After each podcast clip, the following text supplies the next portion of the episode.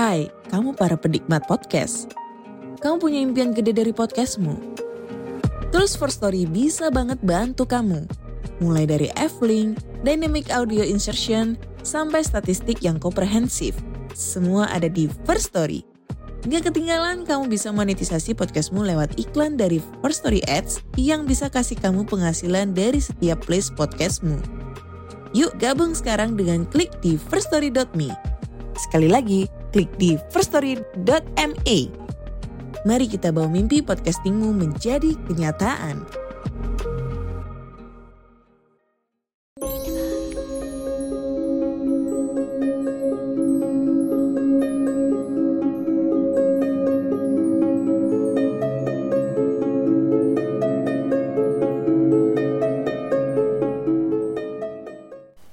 Selamat datang dan selamat malam. Saya Denny, narator dari Rumah Indonesia kembali lagi menyapa kalian. Semoga semua sobat RAI ada dalam keadaan yang sehat dan bahagia. Pada malam hari ini saya akan membawakan sebuah cerita dengan judul Lemari Tua.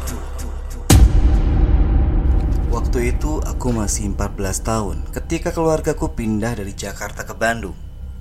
Di Bandung, ayahku membeli sebuah rumah yang menurutku cukup besar dan tua, seperti rumah peninggalan zaman Belanda. Namun, rumah itu masih terlihat bagus dan terurus. Ada satu yang menarik di dalam rumah itu.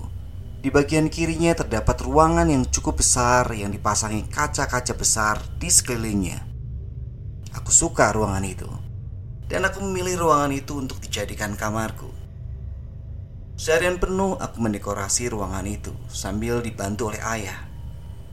Di sudut kamar, ayah menaruh lemari besar. Ayah bilang, lemari unik ini ditemukan ayah dari belakang rumah. Lumayan daripada nggak kepakai. Soalnya terlihat unik dan masih bagus. Entah kenapa pemilik rumah sebelumnya meninggalkan lemari itu begitu saja. Aku mulai menata bajuku di situ. Namun, ada yang aneh dengan lemari itu. Bau yang berasal dari lemari sepertinya bukan bau lemari pada umumnya baunya seperti bunga. Seminggu setelah menempati rumah itu, aku tidak pernah menemukan hal yang aneh. Bahkan aku berani ditinggal tidur sendirian oleh orang tuaku. Namun lama-kelamaan, terasa ada sesuatu yang ganjil dengan lemari itu. Saat malam tertentu, seperti misalnya malam Jumat, dari lemari itu tercium bau harum yang sangat menyengat. Awalnya aku tidak curiga, tapi lama-kelamaan aneh juga. Aku sempat memberitahu ibu dan dia bilang kalau dia tidak menyimpan kamper atau pewangi di dalam lemari itu. Jadi, wangi apa yang keluar dari lemari itu? Rasa penasaran membuatku semakin ingin mengetahui asal bau tersebut. Aku sering membuka pintu lemari dan jarang menutupnya. Aku pikir itu bisa menghilangkan baunya.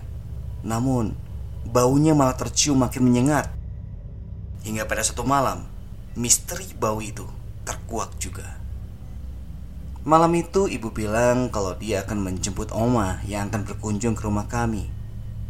Ibu pergi bersama ayah dan aku ditinggalnya sendirian. Namun ibu memanggil Bida, pembantu yang dipinjam sementara dari tetangga untuk menemaniku waktu itu.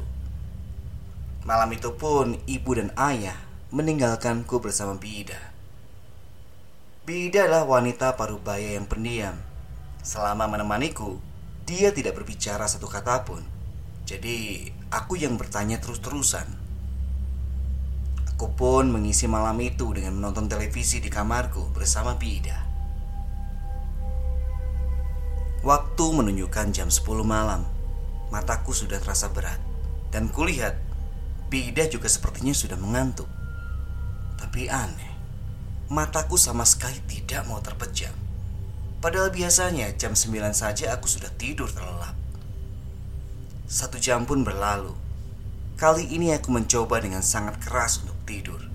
Aku mematikan televisi dan menarik selimutku. Posisiku waktu itu tertutup oleh selimut, seperti mayat yang baru saja meninggal dengan suasana hening malam itu.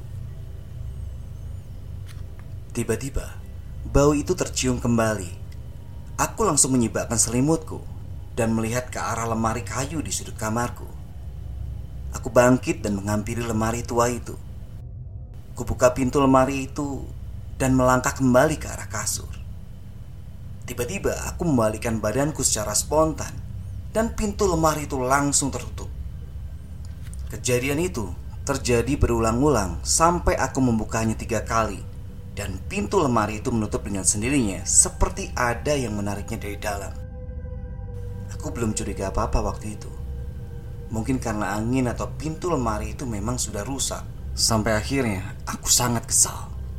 Dengan perasaan kesal dan takut, aku tak mempedulikannya lagi dan melangkah ke tempat tidur, menutup kembali badanku dengan selimut. Aku menutup mata dan telingaku karena kini ku yakin kalau itu bukanlah angin. Aku ini anak pemberani dan sama sekali tidak takut dengan hantu. Tapi lama-kelamaan bau dan suara pintu lemari itu sangat mengganggu. Aku mendekati lemari yang terbuka dan tertutup sendiri itu. Dan astaga, badanku berdiri kaku, jantungku seakan berhenti sejenak. Mataku melotot dan mulutku menganga. Ternyata yang membuat pintu lemari itu terbuka dan tertutup bukanlah angin, tapi seorang anak kecil berambut hitam panjang dengan menggunakan gaun putih sedang berjongkok di dalam lemari. Dia duduk dengan lutut menyentuh dada. Wajahnya tertunduk sambil lengannya memainkan pintu lemari. Kamu siapa? Masuk dari mana? Keluar dari lemariku sekarang, bentakku. Anak perempuan itu langsung menghentikan tangannya memainkan lemari. Dia menengadahkan wajahnya perlahan dan betapa terkejutnya aku saat melihat mukanya yang menyeramkan. Wajahnya pucat dengan lubang besar di kedua matanya. Ya, anak ini nggak punya bola mata. Aku bergerak mundur sambil menutup mulutku. Dengan langkah yang kaku dia bergerak mendekatiku. Tangannya menjulur seolah akan mencekik leherku. Aku berlari ke atas kasur, lalu menutup badanku dengan selimut.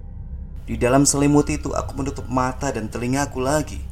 Aku menyadari kalau yang aku lihat bukanlah manusia. Hening sejenak suasana saat itu. Aku menyibakkan selimut dan mencoba membangunkan Bida. Aku tidak mau melihat ke arah lemari itu. Yang aku lakukan adalah terus berusaha membangunkan Bida. Bida tidur membelakangiku.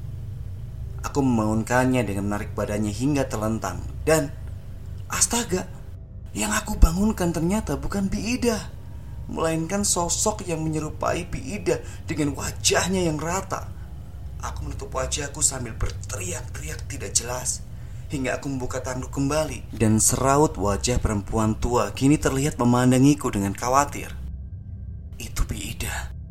Aku kemudian menangis dan meraung kencang dan menceritakan semuanya Biida mencoba menenangkanku dengan segelas air minum yang dibawanya dari meja pinggir kasurku. Setelah tenang, dia mengajakku untuk kembali tidur.